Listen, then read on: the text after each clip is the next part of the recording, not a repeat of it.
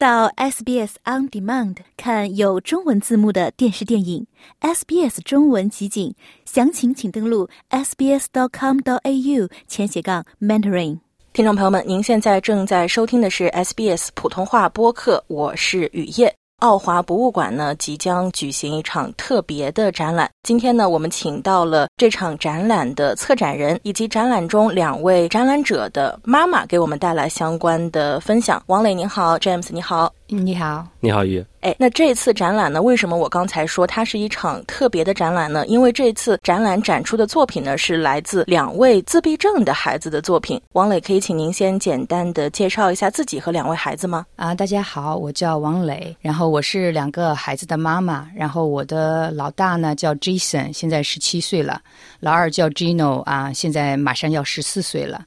啊，我的两个孩子呢，就是都有自闭症。是什么样的一个契机，想要去给孩子举办这样一个画展呢？嗯，呃，说起这个来，就是因为我老大今年十七岁了，因为马上面临着年底呢就要离开学校了。那么现在呢，就是说到底他的将来的路是个什么路呢？嗯，咱们政府这边呢是说有这个帮助他，可能离开学校之后会有一些 program 帮助他去学各种各样的技艺，然后呢可能会 match 他一些工作。嗯，我们之前在学校里。里头从去年开始呢，也是在学园艺，因为学校只有这么一门课。然后我也去陪读了两个学期，就是具体看他是做什么、学什么。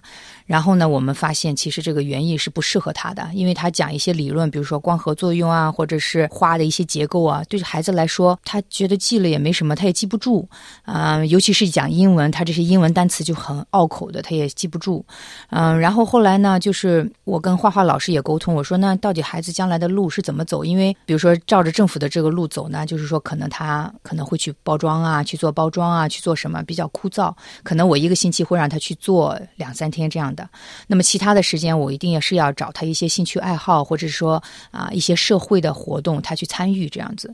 后来这个老师就画画老师就说：“那你与其这个样，他画画又没有什么压力，很放松，然后画出来的画，我认为他还是有艺术价值的。那你干嘛不把画画作为他的一个主业？就是说你去做一个展，看看他的这种。”社会的接受程度怎么样？甚至你可能会，这个老师也说，说是可能会吸引到别的一些家长，就是说可能你们会形成一个这个团体这样子。那么是这个画画的老师，就是是说他在背后这样子推动了一下，然后我就觉得，哎，那我就看看给孩子做个画展吧。然后我就去看了一些画廊啊，包括跟他们一些 manager 也沟通。后来就觉得好像他们的这种商业性质比较强。然后呢，我就觉得好像不太符合我的想法。然后呢，后来就是碰到了一个老乡，他说：“哎，我介绍一个做这个装裱的一个，他可能有这方面的资源。”所以呢，我就他就介绍了一个朋友叫 Grace。然后呢，Grace 又说：“哎，正好我这边有长期合作的一个策展人 James，说是你可以跟他接触一下哈。然后呢，把你的想法说一说。然后呢，我们就跟 Grace 还有 James，我们就见了几次面。然后呢，我大概就把我的想法说了一下。然后呢，James 就也帮我考虑了一下，就是什么样的展厅更适合。我们，所以呢，最后我们就觉得，哎，正好那个奥华博物馆呢，他们想要对这个 disability 的人提供更多的支持。然后呢，我的孩子的背景呢，也是自闭症孩子嘛，属于这种 disability。那么就是我们相当于两方一拍即合这样子，就说我用他的展馆来展示我孩子的作品，他们呢通过宣传我孩子的这个作品呢，想帮助一下 disability 的人这样子。嗯，可以说还是一个比较公益的展览吧。那其实 James 呢，今天也是在现场跟我们来做一些分享。可以跟我们来分享一下是什么样的一个契机，让你想跟王磊妈妈一起合作，去给大家展示自闭症孩子的一些作品？呃，因为首先呢是 Grace 的介绍，然后我们见了几面，然后呢通过了解两个孩子的经历，我觉得很有必要去给这两个孩子办一个画展。其实这就是我们的最初的想法，也是一个非常简单的这样一个初衷啊。那我知道，其实两位孩子是创作了比较多的作品，在这个策展的过程中，你会如何去选择一些作品？来放到这个展览之中呢？呃，我们会首先筛选一些有特点的，把它们分类。呃，因为孩子创作作品还是蛮多的，在这么短的时间创作的蛮多的。嗯，所以我们把孩子的作品分类之后，然后分成不同的板块呃，我们会加上一些装饰性的艺术品，然后呈现给大家。所以这是一个不是单纯的把孩子的画挂在墙上，而是我们要跟整个的环境、整个的布景融合在一起的这么一个展。嗯，可不可以给我们分享一下自己最喜欢的一些展览中的画作？呃，我们今天早上还在聊这个问题。实际上，基本上每幅画我都非常喜欢，因为这些画呢，不像是有的艺术家创作的时候，他是抱着很明确的目的，他要画什么东西。孩子画就是画自己内心的世界，在我们看来，孩子内心世界都是很美好的，最起码是很纯净的。那么，呃，虽然不同的画有些许风格上的差异，但都是孩子的内心，我们觉得都非常棒。嗯，那王磊妈妈方面呢，有没有一些自己比较喜欢的？呃，是这样子，我觉得哈，最开始我其实是比较喜欢我老大的画，就是说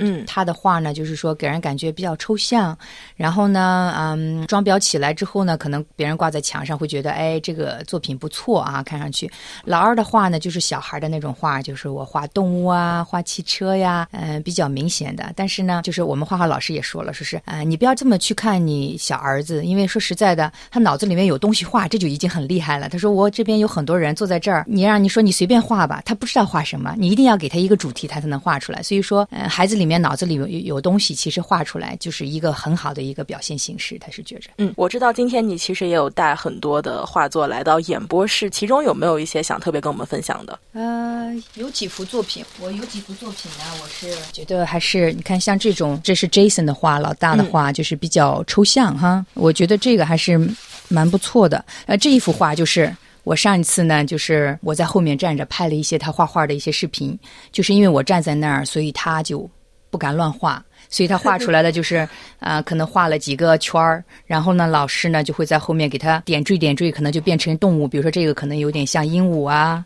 这个画一画可能要有点像狗熊啊。就是说，其实他就是妈妈在的时候可能会紧张，画出来的画的风格和他平时画的是不太一样。你比如说像这种，你就会感觉很，你可以说是像一片森林也行，或者什么，就是说你可以想象的空间很多，属于抽象的。我觉得这些画我都比较喜欢，色彩也比较明亮。这是比较喜欢。老二 Gino 的画呢，就是你看这一这个就是关于他的交通风格很不一样啊。对，风格很不一样。他是画什么就会画，而且呢，因为从小喜欢写写画画嘛，你会看到他的作品里面也会写英文，也会写中文。然后呢，画完了之后呢，会在上面写上中文、英文，比如说中文是轮船，英文叫 ship，他是这样子。还有这个呢，就是他最近比较喜欢看水滑梯。嗯，然后他会告诉大家，你看我他写了十个。世界上十个最危险的滑梯，他会把它写出来，然后呢，在后面画一画什么的，做一些背景，就是他的目的性是比较强的。然后我觉得也挺好，就是说，哎，我展示给大家看，我看过这十个最危险的水滑梯，我要展示给大家看一看。所以说，嗯，两个孩子画画的风格还是不一样。然后你说喜欢哪个，可能我自己更喜欢老大的风格吧，这样子。嗯，我感觉老大的风格可能会更加的抽象一点啊，老二的风格比较有一些儿童的笔触啊，大家看上去会有。然后我觉得刚才你分享到的一点非常有意思啊，就是你在观察他画画的时候，他的这个风格可能会出现一些改变，这个可以给我们来展开的讲一讲吗？啊，是这样子哈，我是其实我老大小时候我们做这个训练比较多。嗯，我呢，当时说实在，最开始的时候对这个自闭症的认知也没有这么多。当时也觉得，哎，我是不是通过干预就能把它治好了？或者是我通过严格的训练，它能达到什么目的？其实最开始是这么一个训练方式，所以对孩子要求是比较严的。然后呢，就是到后期了，慢慢的就是接受，其实就是不管你怎么样去拽着他前行，他都是会按照自己的速度前进的。就是说，说实在，这个也给我了一个 lesson 吧，属于就是说是我们的孩子，其实每个孩子就包括。正正常孩子他自己就是他前进的这个方式都是有一定的，你不管父母怎么干预，他可能到什么阶段就是做什么事情。你干预的太多，反而对他其实是影响了。我觉得就是因为这个，我们老大可能在内心里面觉得啊，妈妈站在这里的时候，我就觉得我要画个什么东西给妈妈看，就好像我我觉得他其实是始终内心里面就是对我这个高要求，其实还是存在阴影在那里的。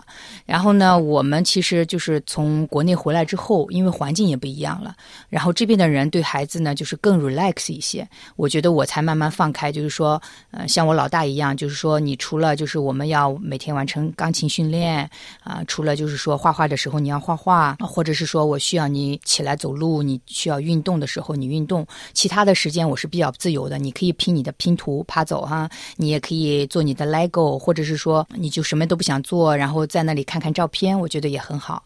所以说，就是现在是放松的一种状态，但是呢，因为可能孩子心里头从小有这种。影响在那里嘛，所以说他画画的时候，我不在的状态和我在的状态，他表现出来的形式是不一样。这个老师是跟我说，说是你不在的时候，他可能更放松一些啊，随便怎么画都行。可能妈妈在的时候，他觉得妈妈会有要求，然后呢，他画的时候呢就会比较拘谨。所以呢，我就觉得，哎，以后他画画，我还最好是不要参与，是这样子。所以说，虽然说老大可能平时不怎么说话，但是他可能自己心里他是什么都懂，他是有自己的一个非常强烈的一个认知的。这一点我觉得也非常的有意思哈。嗯，那我这边也想问一下，James，在策划这场展览的过程之中，有没有一些你特别难忘的时刻，或者是有没有收获到一些什么？实际上，在这个整个这个过程中，每一个环节，甚至是每一周、每一天，我们都会有新的新的感触。因为我们在策展的时候，我们会接触不同的人，每一个阶段要做不同的事情，然后每个人的不管是社会上还是朋友的反馈都是很正面的，让我们觉得这个画展做的真的是很有意义。那像我跟朋友介绍的时候，我说我们要。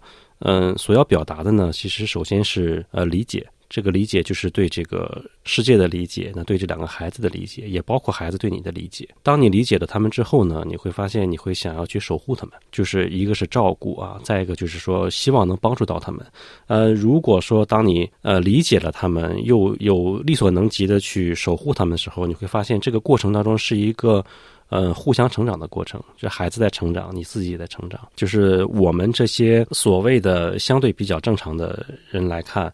我们在这个策展期间，在跟孩子的接触期间，我们自己也是在成长。嗯，当然孩子本身也在成长。整个这个过程是充满了这么一个循环，就是理解、守护跟互相成长，对每一个人都很有帮助。包括我们会启用一些义工来来帮忙，这些义工听说了这个活动之后，基本上都很兴奋，大家都很很愿意来帮这个忙，所以这样就很好。嗯，再加上本身这个这个群体并不是一个大众群体，我们想让更多的。呃，社会上其他人关注到这个群体，也想让更多的人去守护这个群体，也想让大家通过关注他们、守护他们，能。一起成长，我觉得这是一个很有意义的一件事情。嗯，我也觉得非常的有意义啊，因为自闭症群体这个可能不是一个大众群体，华人的自闭症群体在澳洲是一个更小众的群体，所以我们也是想要力所能及的去做一些事情，能够提高社会对他们的认知。那我这边也想问一下王磊妈妈，从这次的展览之中，你希望大家有一些什么样的收获？嗯，我这样子，我觉得办展嘛，就是有两个目的吧。第一个目的就是说，啊，通过展示我孩子的这些画呢，就让大家知道，就是说，啊，有一些自闭症的孩子，或者是其他一些残障方面的孩子，其实他们是有自己内心世界，他们可以通过艺术来表达。那么，就是他的画，其实画出来跟我们正常人画的可能还不一定画出来这样子。就是说，他的画其实是说没有这种 disability 的因素在里面。就是说，你通过的画，可能正常人可能还不一定画出这样的画来。就是我是。是讲展示给社会，就说是不是我们可以接受这方面的，就是说。在社会上，这种认知度就是说是啊，大家不要我一定是有名的人画出来的画，就是说这一类的孩子呢，他们画出来的画可能也会超乎我们的想象，这是社会的一个认知。